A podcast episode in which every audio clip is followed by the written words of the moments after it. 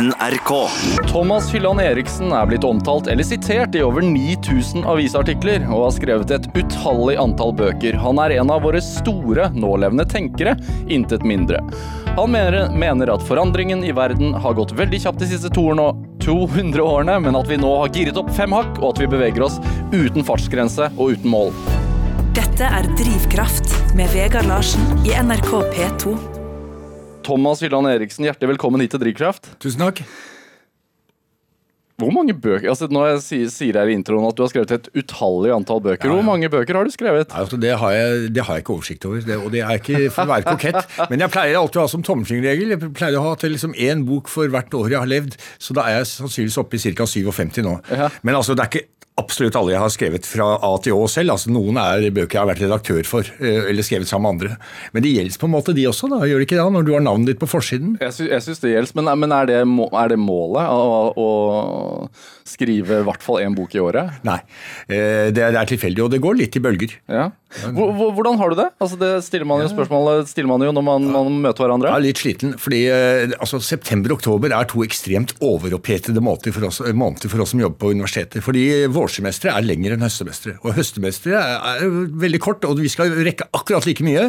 August er en helt useriøs måned, du får ikke gjort noen ting, for du har fortsatt litt sommeren i kroppen og sånt nå.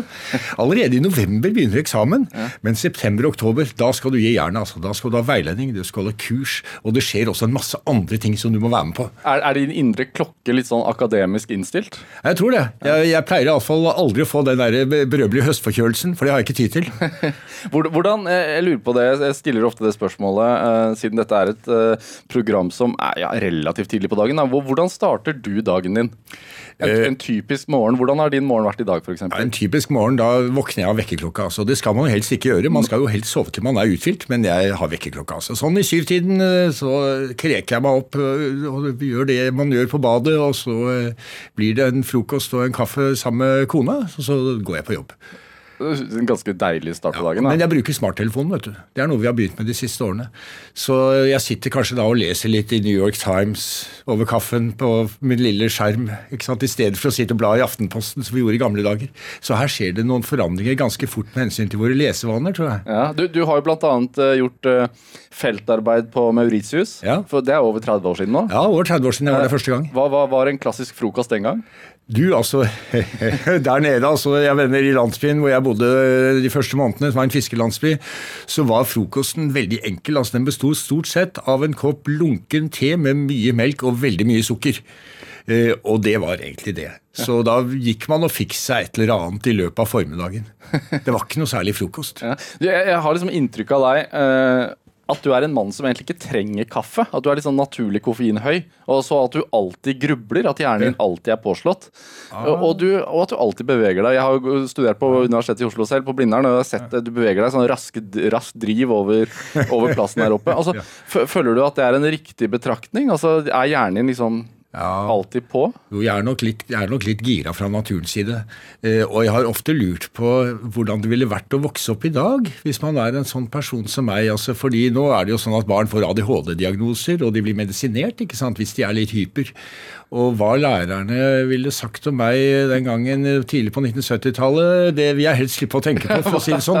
Så det, Hva det tror du de hadde sagt? Nei, det, det vil jeg helst slippe å tenke på. Men altså, jeg skrev en bok om hastverk for ca. 20 år siden som heter 'Øyeblikkets tyranni', som handlet om hva informasjonsteknologien gjør. Og det handlet jo også om akselerasjon. Altså, det var noe av det første jeg skrev om dette at ting går fortere. Og da ble det jo gjort mye Det kom mye humor ut av det. altså At Hylland Eriksen skriver om langsomhet, liksom ha-ha, på en måte. Han, det vet han mye om. Men jeg kan iallfall si at jeg vet litt om problemet. Ja, ja. Du, eh, en, en, en felles eh, nevner blant mange tenkere og folk som produserer mye, er jo at de altså, nærmest skryter litt av at de sover så lite. Ja. Er, det stemmer, er det, stemmer det overens med deg? Altså Nå har jeg fått meg en smartklokke til jul. Og den, hvis du har på deg den når du sover, så forteller den deg hvor mye du har sovet. Ja. Eh, og jeg sover da åpenbart mindre enn andre. Altså Jeg ligger på rundt fem timer. Eh, og det var jeg ikke klar over, men det stemmer. Og det, sånn har det alltid vært. Hodet bare tikker. Eh, ja, jeg klarer å skru av. Det må man gjøre. Du må gjøre andre ting. altså. Du må gjøre hagearbeid, du må lage mat, du må gjøre ting som eh, rett og slett bringer kroppen din i en annen retning. altså. Ja, ja. Hvis ikke så blir hjernen overopphetet og begynner å koke, og så da blir du det som kalles utbrent, som er en utmerket metafor. fordi den handler jo også om varme og hastighet. Ja, Ting går for fort, og det er for mye, og du blir utbrent. så Det, må vi unngå. Det skal vi prate mer om, denne overopphetingen. Men, men altså, du ble professor i sosialantropologi ved Universitetet i Oslo i en alder av 33. Ja. Ehm, det er ganske tidlig. Ja, ja, ting falt på plass veldig fort. Eh, merkelig nok. Jeg hadde aldri tenkt at jeg skulle bli akademiker da jeg begynte å studere. Jeg hadde tenkt å drive litt rundt på Blindern og kanskje ta et par eksamener før jeg fant ut hva jeg egentlig skulle gjøre her i livet. og nå er det gått snart 40 år, og jeg står nå og foreleser altså i det samme auditoriet hvor jeg selv hadde grunnfagsforelesninger høsten 1981. Så det må ha vært noe som var riktig. Det var, kjemien var god altså, mellom meg og universitetet. Men jeg, jeg, jeg har eh, Jeg må skryte litt med jeg har en bachelorgrad i sosialantropologi selv, så her sitter Ja. vi da. Altså, jeg har jo ikke din kunnskap, selvfølgelig, men vi kan jo snakke om liksom, etnosentrisme og alt dette her. Men, men, men når jeg sier det, så får jeg kan jeg fremdeles få spørsmålet hva, hva er sosialantropologi e- Ja. egentlig? Ja. Hva, hva er det? Ja, eh, nettopp. Nei, altså sosialantropologi det er, eh, ja, vi, vi, altså Den måte, boklige definisjonen er jo at det er eh, det komparative studiet av eh, sosialt liv. Altså at vi studerer hva folk gjør, ikke bare hva de sier. Vi stoler jo ikke på det de sier. Ikke fordi de lyver, men fordi de ofte ikke vet. eh, ikke? Så vi ser på hva de gjør, og er driver med det vi kaller deltakende observasjon. altså At vi er ganske lenge et sted. Altså Sosialantropologisk forskning er jo ikke spesielt dyr, er veldig billig sammenlignet med laboratorieforskning. Den er ikke alltid veldig arbeidsintensiv heller. altså Mye av tiden på feltarbeid sitter du egentlig bare og venter på folk som ikke dukker opp, eller venter på at ting skal skje. ikke sant? Det er relativt langsomt. ikke sant? Du må inn i en langsom rytme, men den er veldig tidsintensiv. Du må være der lenge for å bli ordentlig kjent med folk. Og så henger det vel litt igjen det at tidlig sosialantropologi var ofte i veldig sånn små småskalasamfunn, som det heter. Altså sm Ja. små lukkede samfunn i øygrupper eh, Ja. rundt omkring i verden. Så man, man, ser, man tenker liksom fremdeles på sosialantropologen som en, en mann med eh, felthatt og, Ja, ja. og, og forstørrelsesglass, holdt jeg på å si. Nå driver vi jo med alle mulige ting. altså Vi driver jo bl.a. med altså, internett og sosiale medier og, og sosiale bevegelser, og veldig mange jobber med minoriteter og storbyer og den type ting. Men vi, vi går likevel dypt inn i noen ganske små miljøer, selv når vi er på store steder, for å bli ordentlig godt kjent med folk. Så du kan si at uh, statistisk forskning, kvantitativ samfunnsforskning, den gir deg eh, lite kunnskap om mange. Og vi prøver å da produsere mye kunnskap om få, sånn at vi, vi blir ordentlig godt kjent med dem. Men det andre jeg ville si, da, om, siden du spurte om definisjonen av sosial antropologi ja. altså Jo da, det er, det er feltarbeidbasert, det, det er sosialt liv, eh, og det er eh, folks forestillingsverden, deres kultur, det kommer også inn. Men den er også komparativ, sammenlignende. Det betyr at, eh, Og jeg har en sånn komparativ hjerne. sånn at Hver gang jeg ser et eller annet, så lurer jeg på hva det ligner på. ikke sant? Ikke, ligner ikke dette her på noe jeg har lest om fra Fiji? ikke sant? Eller er det ikke, er det ikke akkurat det samme de gjør i Amazonas når du er på Manhattan? Altså, og det er en kilde til både tror jeg, intellektuell kreativitet, og det er en måte vi utvikler teori på, altså, ved å sammenligne. Ja, Har du noe eksempel på ting man gjør på Manhattan som man også gjør på Fiji? Ja, det er veldig Det er, det er, det er, forbløffende mye, du. Altså, Hvis du tar selskapslivet, eh, hierarkier, kjønn altså Det er ganske mye som er likt, men så er det også det som er forskjellig. Så det sies jo at man ikke skal sammenligne epler og pærer. Og det er rene vås. Selvfølgelig bør vi sammenligne epler og pærer. De er begge frukter, de vokser på trær, eh, og de kan spises sånn og slik. Eh, Og så er de litt forskjellige også. Så vi ser etter både likheter og forskjeller når vi sammenligner. Altså, På min tid på Blindern Vi skal ikke prate veldig mye om min tid på Blindern her i dag, men, men da var jeg aktiv i, eh, i studentavisen Universitas. Det var liksom min karriere inn i, i dette journalistikken. Eh, og, og Universitas skriver jo artikler om eh, universitetet, om forskning og, og diverse, der, hva som skjer oppe på Blindern der. og da var det sånn at Hvis vi ikke visste hvem vi skulle ringe om en eller annen sak, så ringte vi Thomas Hylland Eriksen. Ja. Og du svarte alltid eh, litt sånn lettere irritert og sa du, dette her har jeg ikke tid til. Uh, det veit jeg ikke om jeg kan nok om. Og så sa du 'men ok, hør nå her', og så svarte du likevel. Okay. uh, og og det har jo blitt, du har jo blitt omtalt som en meningsmaskin. Ja, eh, det, det er litt urettferdig. Altså At de samme journalistene som da driver og plager meg daglig, eh, kritiserer meg for at jeg tar telefonen. Eh, Det syns jeg er litt, litt urettferdig, men det det går an å si, er nok at jeg er interessert i veldig mange forskjellige ting. Ja, For du har jo en spalte som, som heter Oraklet. Ja, noe sånt. Ja. Ja, et eller annet sånt, ja. Ja. Spør Thomas sammen med Kari Weiteberg, ikke nok, som er biskop. Så vi svarer på alle mulige spørsmål som folk sender inn til tidsskriftet Samtiden. Ja. Og det er jo litt sånn humoristisk, og det er litt hang in cheek, men det er også veldig gøy. Ja. Eh, Og fordi det gjør at man holder seg våken intellektuelt. Altså At du får uventede spørsmål, uventede perspektiver på verden. At du ikke går opp i de samme vante sporene hele tiden. Jeg tror at vi mennesker, altså noen av oss er bønder og noen er nomader. Og mantofologer og forskere sier jo at noen er eh, pinnsvin, eh, og det er de som graver seg dypt ned og kan én stor ting. Og noen er rever, og de fyker hit og dit og kan mange små ting. Og du beskrev deg selv som en rev nå? Jeg tror nok kanskje det. Dette er Drivkraft med Vegard Larsen i NRK P2. Og i dag så har vi antropolog og professor Thomas Hylland Eriksen her i Drivkraft. Eh, Du er jo aktuell nå med samtaleboken 'Gå inn i din tid', eh, der du samtaler med Dag Herbjørnsrud. eh, Og, dere diskuterer vesentlige spørsmål og hendelser fra fortid, nåtid, og også våger dere ut i fremtiden. Litt fremtid, ja. Ja, det vi prøver å gjøre, er det som er Det er jo hans grep. Det er jo måte han, det er jo hans bok som jeg er med på, for å si det sånn. Men jeg er jo veldig glad for at han har gjort dette. Det er at vi prøver å beskrive en type samtidshistorie. Altså fra 80-tallet, 90-tallet, 00-tallet. Hva var det vi var opptatt av på 00-tallet? Jo, det viser seg at det var litt andre ting enn nå. Da var det veldig mye rundt krigen mot terror.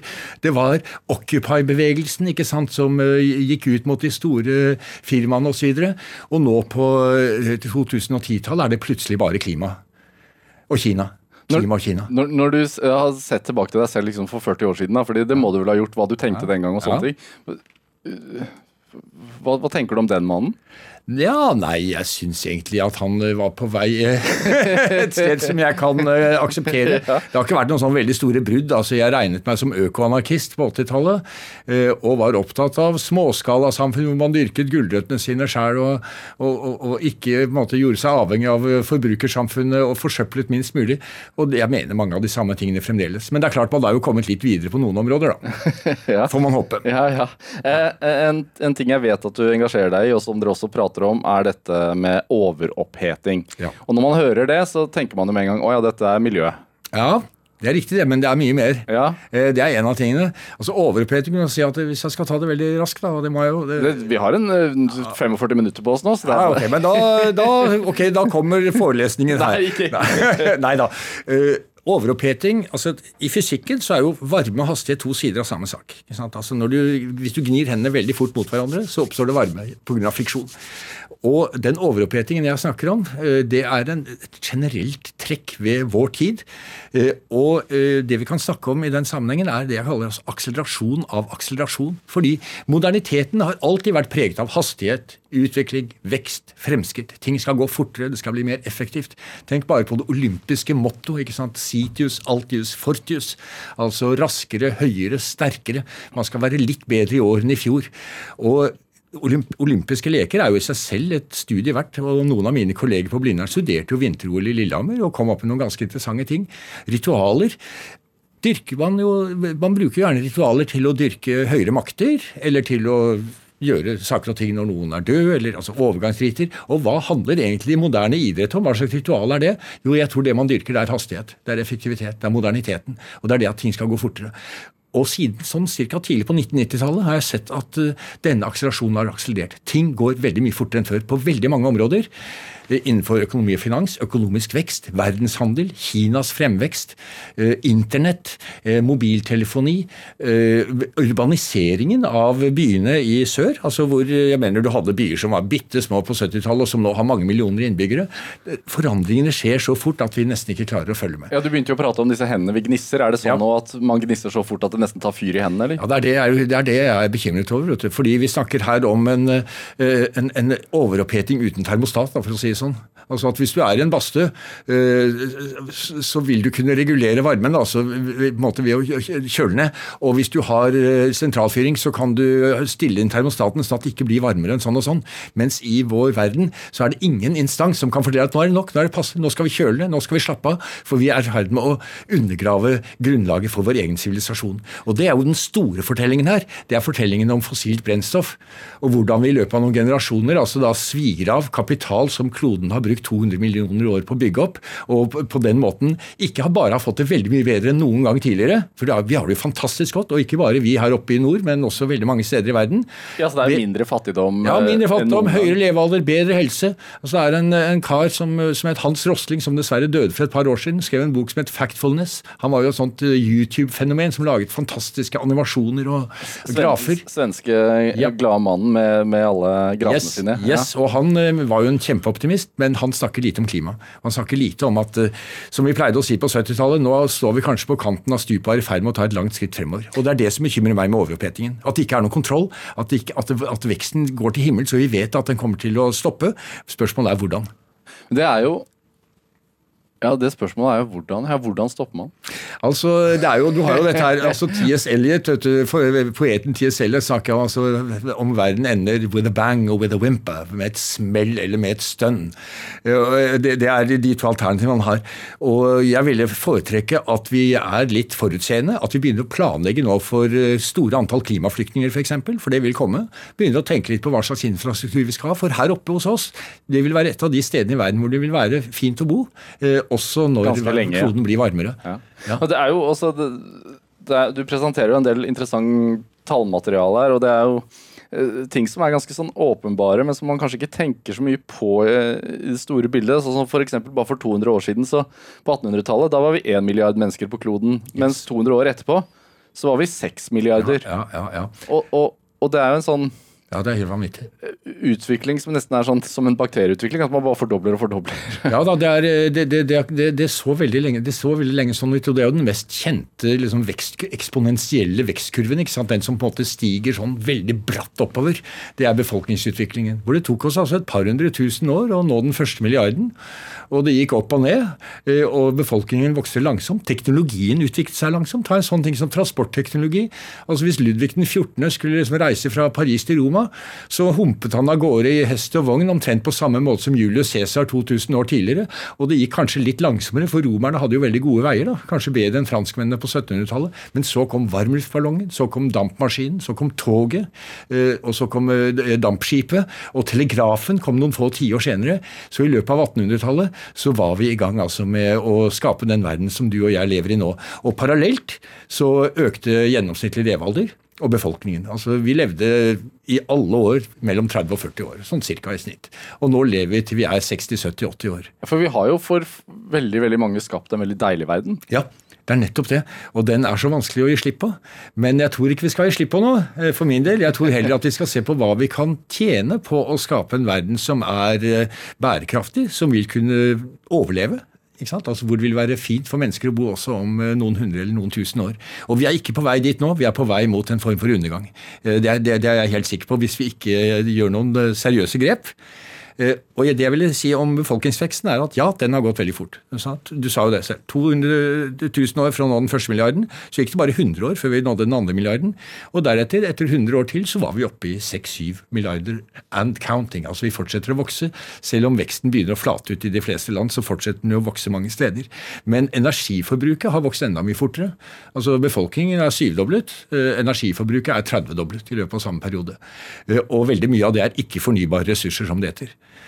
kan jo si at uh, olje og gass er jo fornybare ressurser. Du må bare være veldig tålmodig. Det tar liksom 60-70 millioner år, da, kanskje 200 millioner år, og så har du det igjen.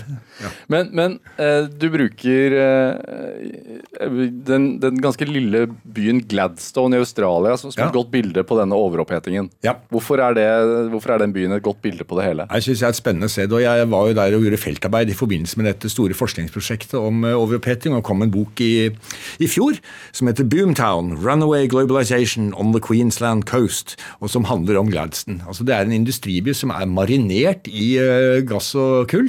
Uh. En av verdens største kullhavner. ikke sant? De har noen av verdens største aluminiumsverk der. Uh, de har bygget noen sånne store naturgassterminaler på en øy like utenfor. Så det er et veldig overopphetet sted. Det har vokst fort. Og noe av det jeg var interessert i der, var forholdet mellom den velstanden og verdiskapningen sant, som skjer i industrien, og særlig da i det vi kaller extractive industries, altså gruver, den type ting. Gruveindustri. Fordi folk må jo, altså For folk der må det jo ha vært en god ting, fordi folk ja. fikk jobber, de tjente godt. Det er akkurat det. Så, så, veldig bra. Og det er en eh, spesiell by også i den forstand i, vest, i den vestlige verden at det er en by som kan minne litt om kanskje sånn som Detroit var på 1940-50-tallet. At de hadde bilindustri og velstand, og folk fikk villaer og, og, hadde god råd. Eh, og det er en, for det er en by dominert altså av en hvit, eh, mannlig, ung arbeiderklasse. Eh, som kjører rundt i de svære bilene sine med tatoveringer og, og, og safarihatter. ikke sant? Og på annethvert hjørne er det en pub, og på annethvert hjørne er det en hudkreftklinikk. Eh, for å si det sånn. Eh, for disse folka har jo gener fra Irland og Skottland, og så bor de i et subtropisk land og liker å ta en øl på stranda. Men det er et sånt sted, så jeg var interessert i spenningen mellom veksten på den ene side og miljøødeleggelsene på den andre siden. Altså den ambivalensen. Den ja, fordi tiden. overopphetingen hadde en bakside? Helt klart. altså Denne byen ligger rett innenfor Great Barrier Reef, ikke sant? så et av de største naturlige underverker i verden. Verdens største korallrev, som jo har alvorlige pusteproblemer for tiden, bl.a. pga. klimaendringer. Og du ser det lokalt. Folk får helseproblemer. Det er en overhyppighet av visse sjeldne kreftformer i gladsene. ikke sant? Altså Det er noen sånne eh, kanarifugler i kullgruven, som vi pleier å si. I gamle dager hadde jo med en kanarifugl i kullgruven. og hvis den døde, måtte man komme seg ut, for da var det lite luft. Og alle disse små symptomene er kanskje et tegn på at noe er veldig gærent. Så eh, det var den type ting jeg var interessert i. Og Australia er også interessant som land, vet du, fordi de er både en av de store skurkene sammen med Norge, fordi vi er jo en kjempeeksportør av olje og gass, og de er en eksportør av mye kull og, jernmalm og sånt noe. Eh, og så er de et av de store ofrene, fordi de har så sårbare økosystemer med flom og tørke og, og, og skogbranner osv. Så, er, Australia er et interessant sted. Eh, det er et helt sentralt sted hvis vi skal studere klimaendringer. Men tenker du at Gladstone egentlig er et bilde på, på den vestlige verden i, i, et, uh, i miniatyr? Ja, det er i grunnen det. Og det er fremskrittet som har løpt løpsk. Og noe jeg lurer litt på Unnskyld, ja, jeg lurer ikke så veldig på det. Jeg er ganske sikker på det. det er for å si det sånn. Hvis vi nå tar en veldig rask sånn verdenshistorie, så vil jeg si at veldig lenge var det slik at mennesker hadde håp knyttet til religion. Altså Livet på jorden er en jammerdal, ikke sant? og det er forferdelig, og man blir syk og dør, og det er sult og Levde slit. man var 30 år. Og... Ja, sult og slit og elendighet. Eh, men på den andre siden så vil du komme til paradiset hvis du bare oppfører deg ordentlig. Og så mistet religionen mye av sin kraft i løpet av 1800-tallet og ble erstattet av troen på fremskrittet. Fremskrittet ble i stedet, altså utviklingen, fremskrittet. Og det fungerte lenge veldig bra, og det fungerte også veldig samlende i perioder. altså Tenk bare på Gerhardsen-epoken i norsk historie. Her skal vi stå sammen, alles innsats er like nødvendig, og vi skal gjøre dette landet sant, til en moderne velferdsstat. Og så klarte man det. Og nå er vi kommet til det punkt hvor vi er, som jeg skriver i en av mine andre bøker, da, storulv, den store, stygge ulven, etter at han har spist de tre små grisene, og ligger på sofaen og lurer på hva han skal finne på i morgen. Og det eneste han klarer å finne på, det er å forbruke mer, fordi vi ikke lenger har noe mål. Altså Det er en vekst uten, uten mål. Vi kjører på motorveien liksom 150 km i timen uten å vite hvor vi skal, og før eller siden kommer vi til å krasje. Så for meg er Gladstone også et bilde på dette. Men jeg vil også si at eh, jeg har mye godhet og sympati for de folka jeg ble kjent med i Gladsen. Mange av dem jobbet i industrien. Noen jobbet liksom for industrien ikke sant, på høyere nivå osv. Trodde på det de gjorde. Og noen sa til meg at eh, altså, hør nå her, eh, jeg vil gjerne ha en bærekraftig jobb, jeg. Men da må Greenpeace eller noen andre gi meg den jobben. Som gjør meg i stand til å betale husleia, boliglånet altså, eller barnas utdannelse. Og så lenge det ikke er mulig, må jeg fortsette å jobbe på aluminiumsverket. Og det mener jeg er et, et, et, et rimelig krav å stille. Ja, altså, angående det, altså, jeg, I går så leste jeg et intervju med, med den gamle Ap-politikeren Torbjørn Berntsen. Ja. Eh, og Han sa jeg har for lengst mista trua på det der økonomisk vekstsamfunnet. Vi har drekke og heti nok. Eh, kloden har ikke ressurser nok til at alle skal få det som oss, sa han. Og så sa han videre at eh, om fagbevegelser da, generelt, at ja. hele opplegget går jo ut på å få mer i posen. Er det noen mening i dette? Eh, da det var tomt i brødboksen, var det en mening. Eh, men er det noen mening når du faen ikke får igjen lokket på brødboksen engang? Ja, sa Berntsen ja, i går. Og det er, jo litt, sånn det storulve-eksempelet. Ja, det, er, det, er, et veldig godt bilde når brødboksen er så full at du ikke engang får igjen lokket, og så vil du fremdeles ha mer.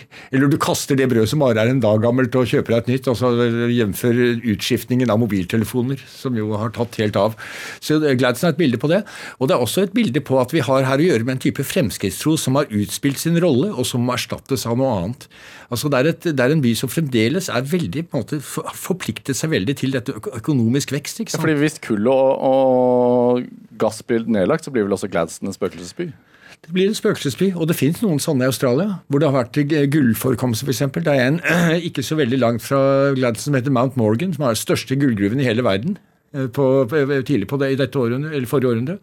Og i nærheten av, av, Mount Morgan så ser du praktfulle villaer. ikke sant, som er bygget sånn i 1920-1930, og som nå dels bebos av husokkupanter, ikke sant, eller dels står tomme. Den type ting. Så det vil skje med mindre vi finner andre måter å leve på som ikke ødelegger naturgrunnlaget. Og for meg må det være første prioritet. altså. Finne andre måter å leve på som ikke ødelegger naturgrunnlaget. Og da må vi gjøre noe med økonomien. Da må vi kanskje tenke som så at ja, formålet med økonomien kan ikke være å gjøre allerede meningsløst rike mennesker enda rikere, som tilfellet er i Australia, men i stedet å tilfredsstille noen menneskelige behov. For mening med tilværelsen, ha en jobb å gå til, gjøre noe du føler er nyttig og viktig. Men, men det, det, er jo det er veldig enkelt å, å, å si dette her og se, se dette her og, mm. og, se at det går for fort, at vi får bruk for mye, at det er, faktisk ikke er nok ressurser. og så Man prater jo om dette hele tiden. Mm. Det man ikke prater så veldig mye om, er jo hva man kan gjøre. Yep. Eh, hvordan få til en eventuelt ny økonomi, eller hvordan få til en omlegging. Altså, noen prater jo om eh, grønn økonomisk vekst. Ja.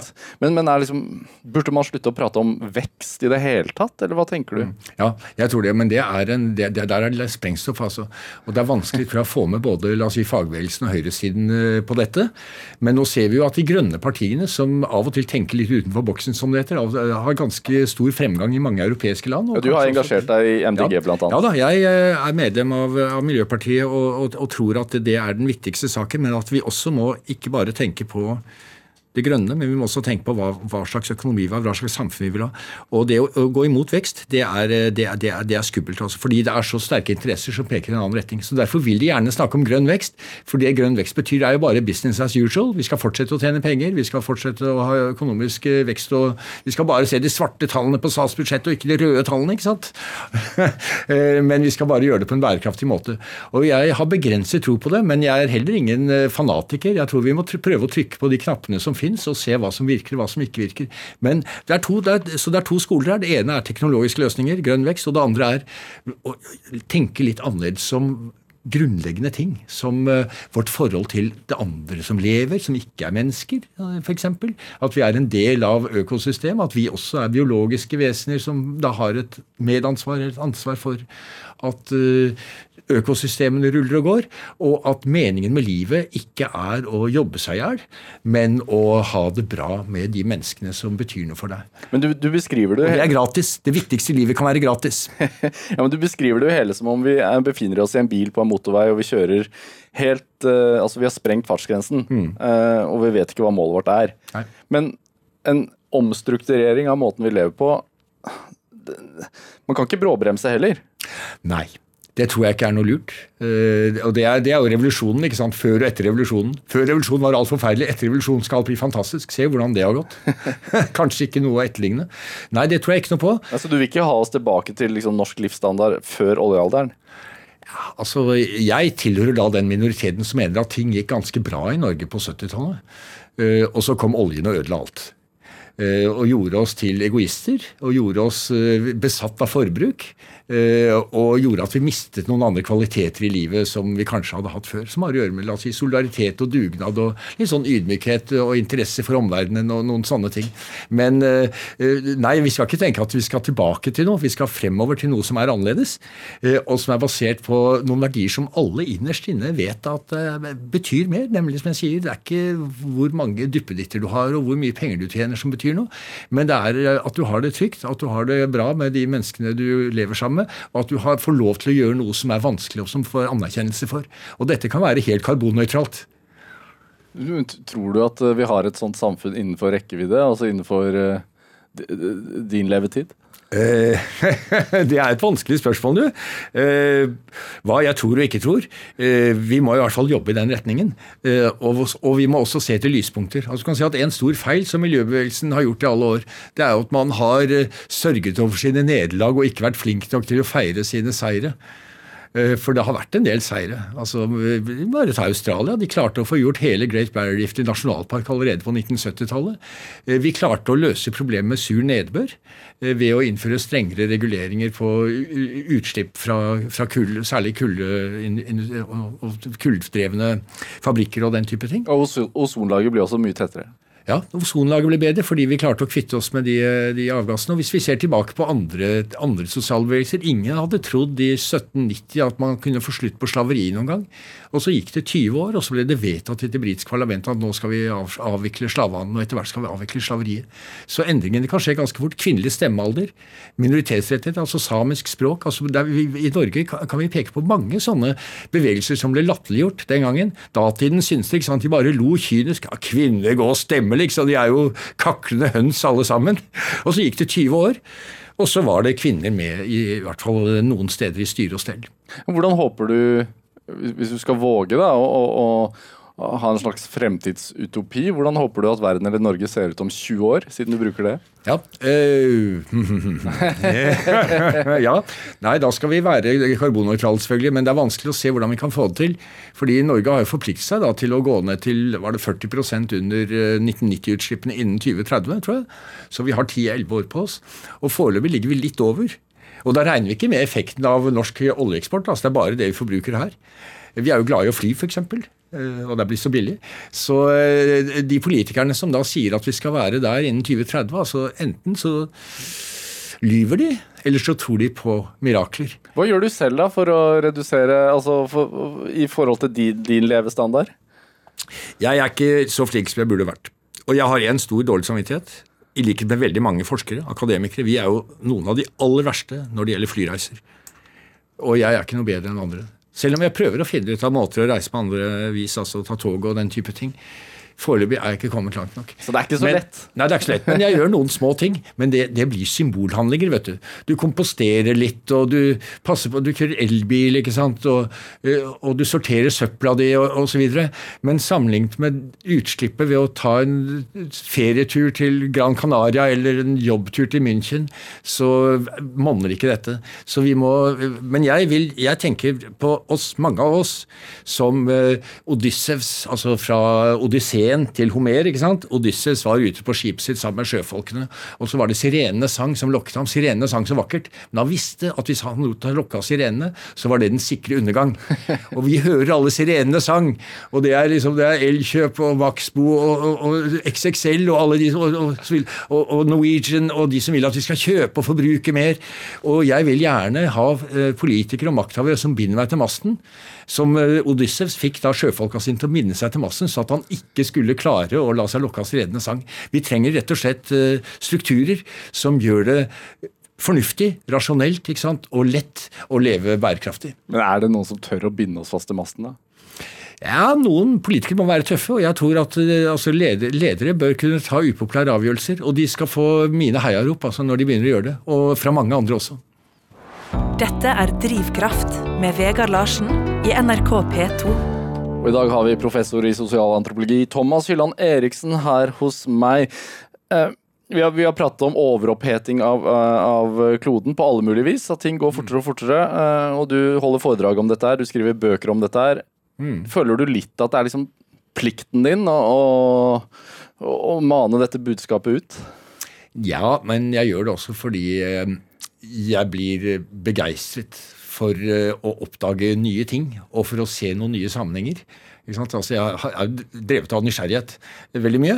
Så, og begeistring. Ja, begeistring. Altså, jeg opplever det ikke som noen sur plikt, i hvert fall. En plikt, men en, en, viktig plikt som jeg også har stor glede av selv. Jeg skal ikke nekte for det. Du, du fikk jo, Vi skal ikke prate veldig mye om det i dag, men du fikk jo kreftdiagnose for noen år siden. Ja, ja, ja. Uh, skapte dette et sterkere behov hos deg for å bare formidle kunnskapen din i enda større grad? Ja, nei, jeg, jeg, tror ikke det. Jeg tror ikke det var noe annerledes før, uh, skal jeg være ærlig. Men det er klart at uh, når du møter motgang i livet uh, Jeg hadde hatt lite motgang. jeg hadde vært heldig på alle mulige måter. Så vokser du på det. Det er som Nietzsche sier, vet du, alt som ikke dreper, dreper deg, gjør deg sterkere.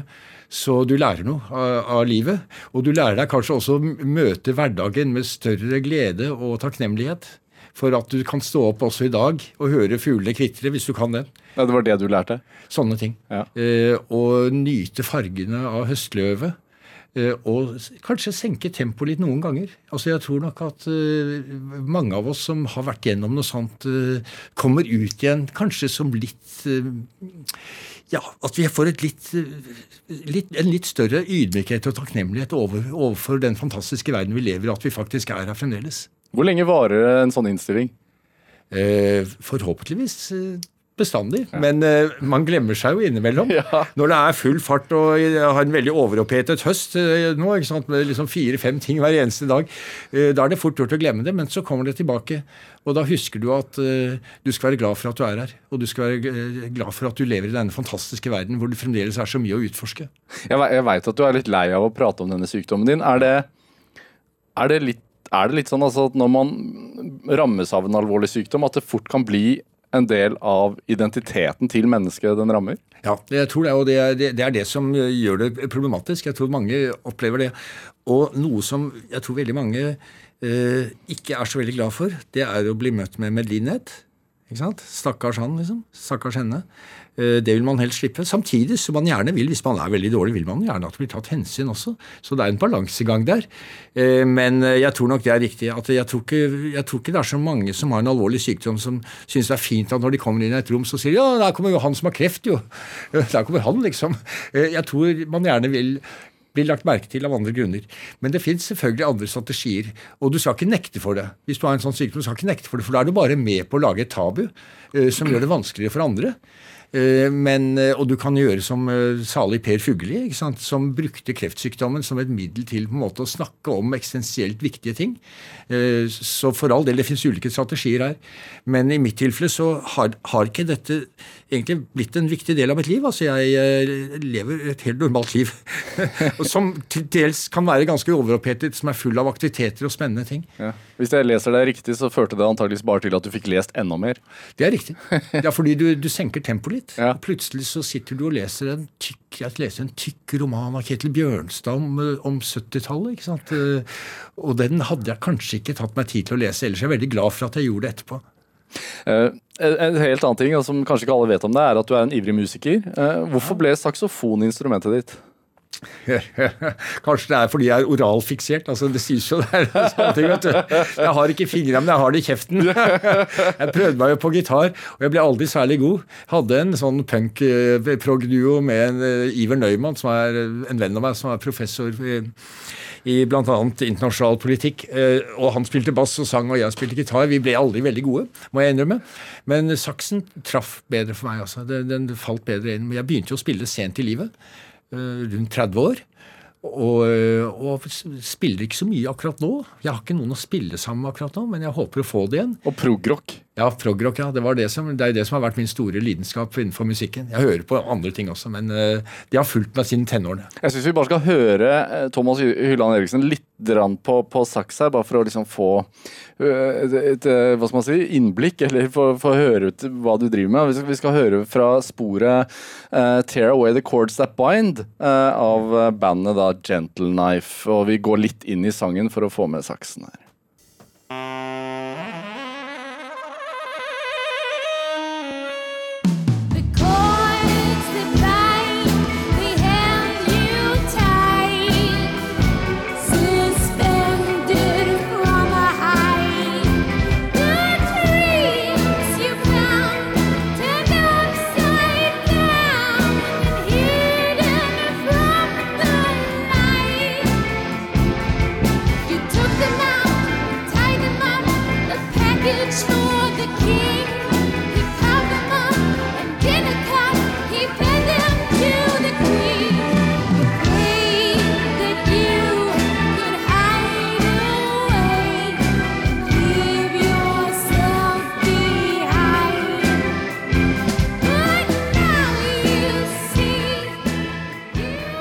Du hørte uh, bandet Gentle Knife uh, med låta 'Tear Away The Course That Bind'. Eller litt av den, i hvert fall, med, med Thomas Hylland Eriksen på saksofon. Og, det er Thomas Hylland Eriksen som er dagens gjest her i Drivkraft.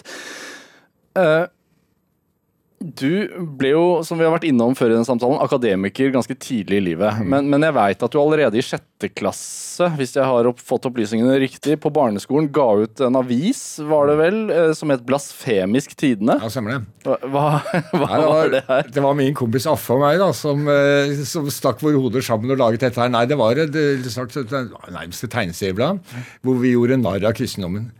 Eh, og det var dette, Nå, at nå er vi i første halvdel av 1970-tallet. Altså, og på den tiden var kristendommen ganske dominerende. For mange av oss opplevdes den som nokså kvelende og klam. Vi hadde misjonerende religionsundervisning på skolen som skulle gjøre oss kristne. Og det var for noen av oss ekstremt provoserende. Og vi opplevde det som et overgrep. Men det å gjøre narr av kristendommen på den tiden var jo ikke eh, nødvendigvis sett på som en grei ting. Jeg husker jo sånn som eh, Monty Pythons Life of Brian ble jo sensurert og nektet vis, blant annet. Ja, faktisk, og det var flere år senere. Nei da. Så, men dette her var jo en liten sånn stensilert blekke som vi laget i siste året på barneskolen og hadde veldig moro av. Men jeg tror ikke det var så mange andre som tok humoren til Men Jeg tror mange av våre klassekamerater syntes at det gikk litt langt. Og da en annen ting vi også gjorde, vet du, for jeg har jo alltid hatt et vanskelig forhold til eh, liksom den nasjonale, hastemte nasjonalismen, eh, som kan bli litt grann i meste laget i Norge, litt på samme måte som i kristendommen. Eh, så vi, vi stilte i 17. mai-tog med svensk flagg. Det var også for meg, da.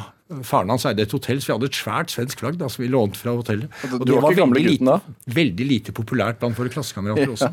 Hva, hva, hva er det som får en eh, 10-12-åring, jeg vet ikke hvor gammel du var, Ja, eh, 12-13, ja, ja. til, til å gjøre disse tingene?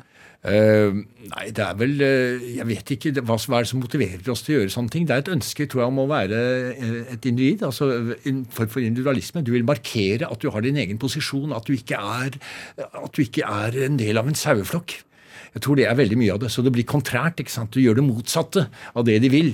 Men var foreldrene dine politisk engasjerte? Hva? Var, var foreldrene dine politisk engasjerte? Altså, fikk du med deg dette hjemmefra, eller var det noe du fant ut på egen hånd? Eller? Ja, nei, jeg vet ikke. Jeg tror jeg, Mye av det kom nok eh, innenfra. Men eh, altså, mine foreldre var politisk engasjerte. Moren min satt i kommunestyret for Arbeiderpartiet en periode. Faren min eh, var redaktør for noen Arbeiderpartiaviser.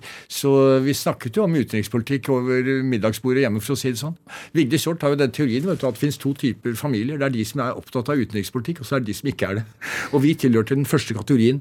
Så det er klart at eh, noe samfunnsengasjement fikk jeg på den måten. Men jeg tror nok at denne liksom der anarkistiske tendensen til å eh, gjøre det motsatte av det folk vil, og til å opponere mot makten og de som ønsker å styre det, den tror jeg nok kommer mer innenfra. Ja, hvis du skulle gjort et antropologisk feltstudie av deg selv, da, hvor, hvorfor?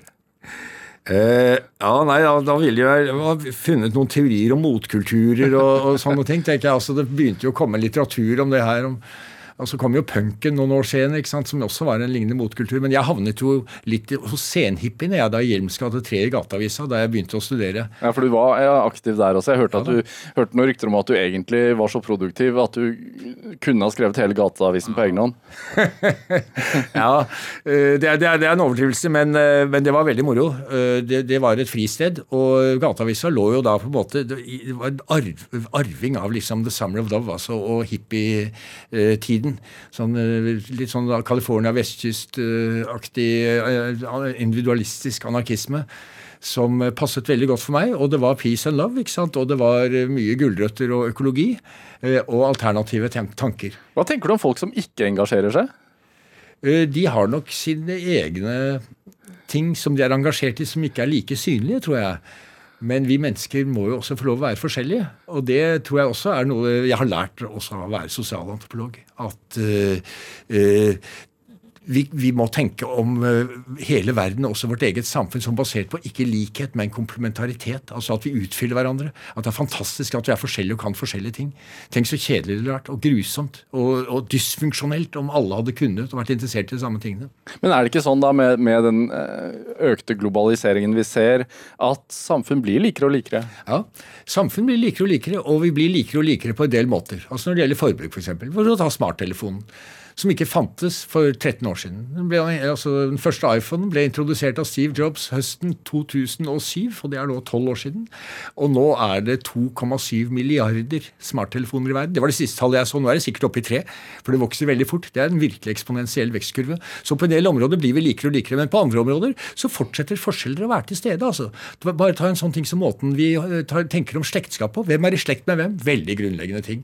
Og vi tror kanskje i Norge at slektskap ikke er så viktig. Det er bare tøys. Slektskap slektskap er fortsatt ekstremt viktig. Og når en norsk mann dør, så vil han bli begravet ved siden av sin kone. Men hvis en italiensk mann dør, så blir han begravet ved siden av sin far. Altså Disse tingene henger igjen. Og mye annet som har å gjøre med ja, nære relasjoner, hvordan vi håndterer forhold til andre mennesker, mat, øh, skikk og bruk, som ikke forandrer seg så fort. Så som, som øh, antropologen Margaret Mead snakket om på 1950-tallet, ulike deler av en kultur forandrer seg i ulik hastighet. Sånn, noe går veldig fort. Plutselig har alle smarttelefoner, plutselig har alle god råd. Plutselig skal alle ha en elbil osv. Helst en Tesla hvis de har råd osv. Men på andre områder så går livet sin gang som det alltid har gjort. Og tradisjonen sitter i kroppen. Og det er en god ting? Ja.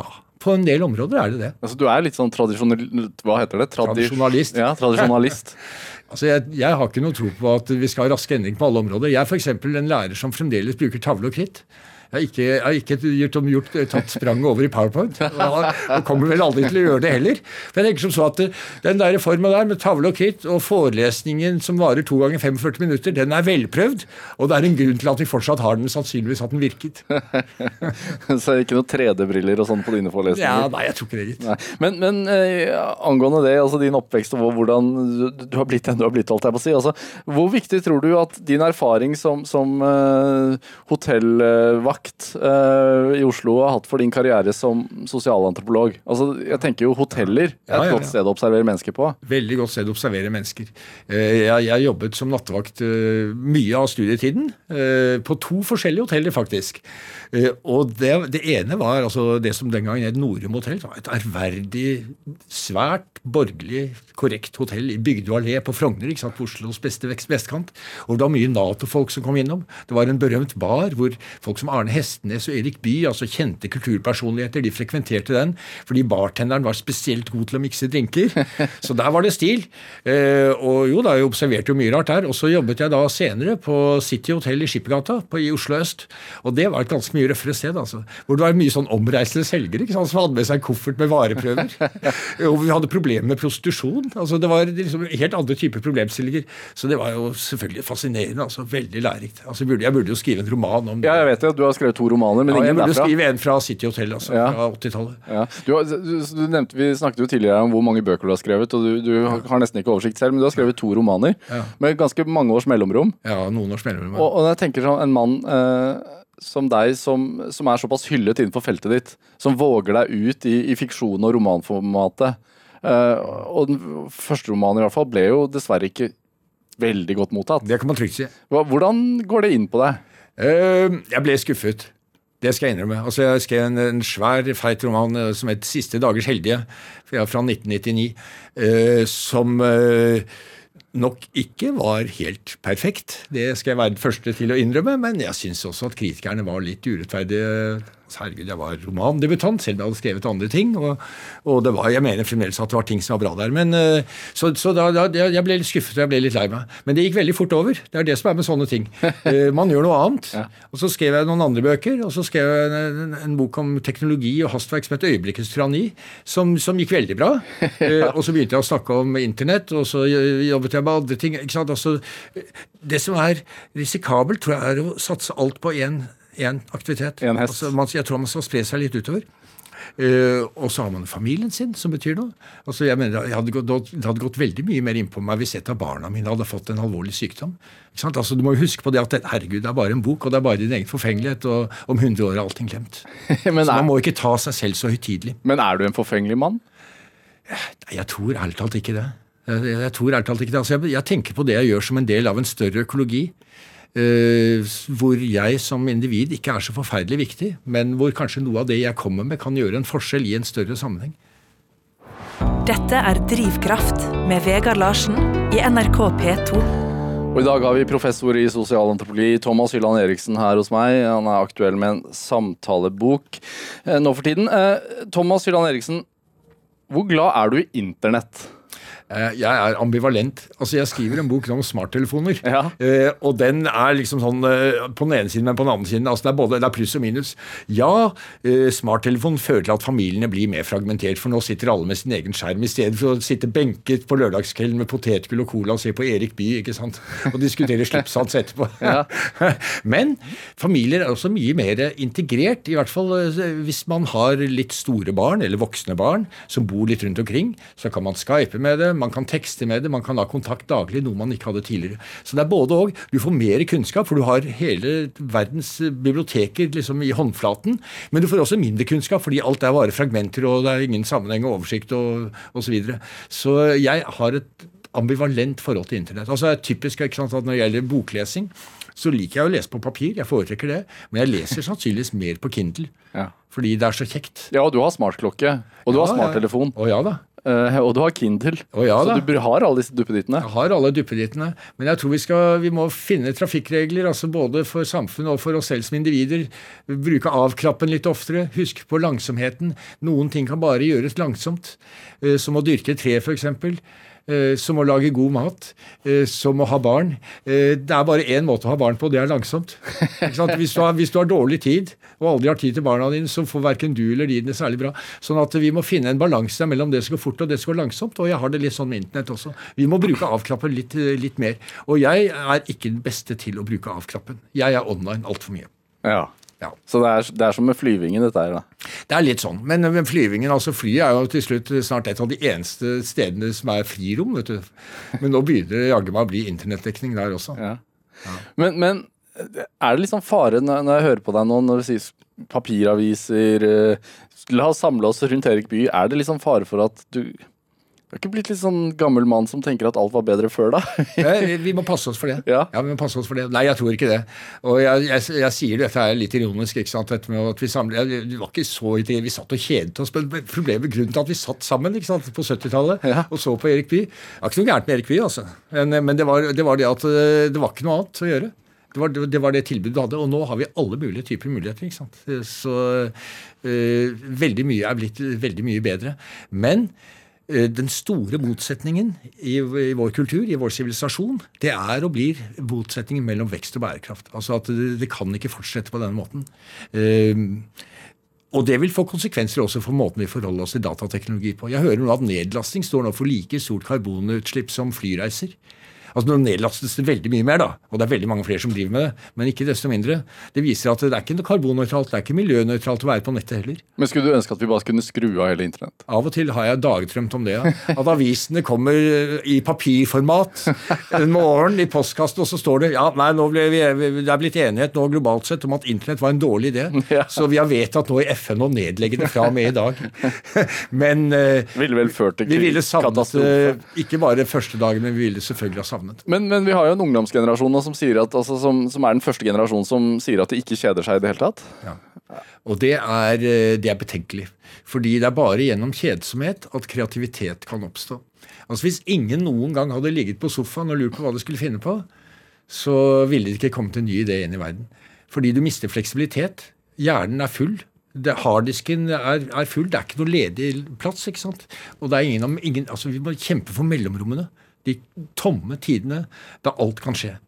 Men, men tenker du at uh, disse teknologiske hjelpemidlene og at man har eh, ja, all verdens kunnskap i, i lomma, holdt jeg på å si, og det har blitt en forlengelse av deg selv. Vi er jo nærmest blitt uh, roboter, fordi telefonen sitter jo nesten fast i håndflata. Altså, tenker du at disse teknologiske hjelpemidlene er en, er en trussel mot f.eks. akademia og kunnskap? Ja, jeg tror mer og mer at vi blir en motkultur. Eh, Vi, men vi driver jo vi driver liksom og punker oss til, da, vet du, akkurat som i skoleverk hvor alle, nå, alle elever nå plutselig skal ha en iPad, eller lignende, noe som er en ekstremt dårlig idé. Fordi eh, de, skal, de bør skrive for hånd ikke sant? eh, Og, og, og lese på papir. Men det er, det er noe så sin sak, men vi holder på på universitetet også med digitalisering. Og noen ganger kan det være veldig fint som en forlengelse av det man gjør ellers, men man må også møtes fysisk. Eh, Så vi er en motkultur på den måten at vi insisterer på langsomhet. I, som sosialantropolog så er du vel for, for, programforplikta til å si at det fysiske møtet er vesentlig også. Ja, men jeg tror det er det i virkeligheten. Altså, tenk bare på en sånn ting som at Siden 1990 har vi hatt muligheten til å ha videokonferanser.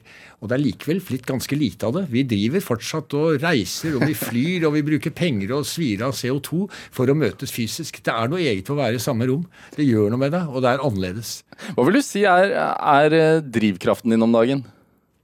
Ja, drivkraften min er eh, vel som den alltid har vært en eh, jeg vil si en nesten patologisk nysgjerrighet.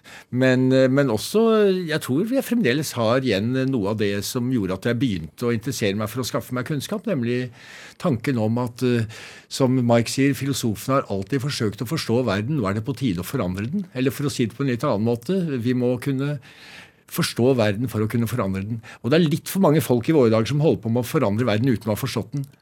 Så det, det er for meg også viktig. Men jeg tror nok at uh, altså, ja, nysgjerrigheten er uh, Det er drivkraft. ja, Det å prøve å skjønne hva, hva slags merkelig sted dette her er. Denne verden, og hva det vil si å være et menneske. Vi er aldri ferdig med det. vet du. Ja, Det er ett spørsmål jeg har stilt hele mitt liv som forsker, og det er følgende. Hva betyr ordet 'vi'? Ikke sant? Ja. Det kan du bruke et liv på å svare på, og jeg er ennå ikke ferdig. Nei, hva, hva har du kommet fram til nå? Nei, altså I de siste årene så er vi blitt mer og mer Vi, sier jeg. Bare hva jeg sier. Ja. Så er noen blitt mer og mer opptatt av at vi ikke bare inkluderer mennesker, men også andre levende organismer. Og noen vil ha med ikke-levende organismer også, altså steiner og fosser og, og, og sånt noe. Så vi, det, det, det er Ja, nå er det vi. Nå er det du og jeg som sitter i studio. Men vi er også alle lytterne. Eh, Vi er familien min. Vi er studentene mine. Altså det, er, det er så mange vi-er. Så det er ikke ett svar.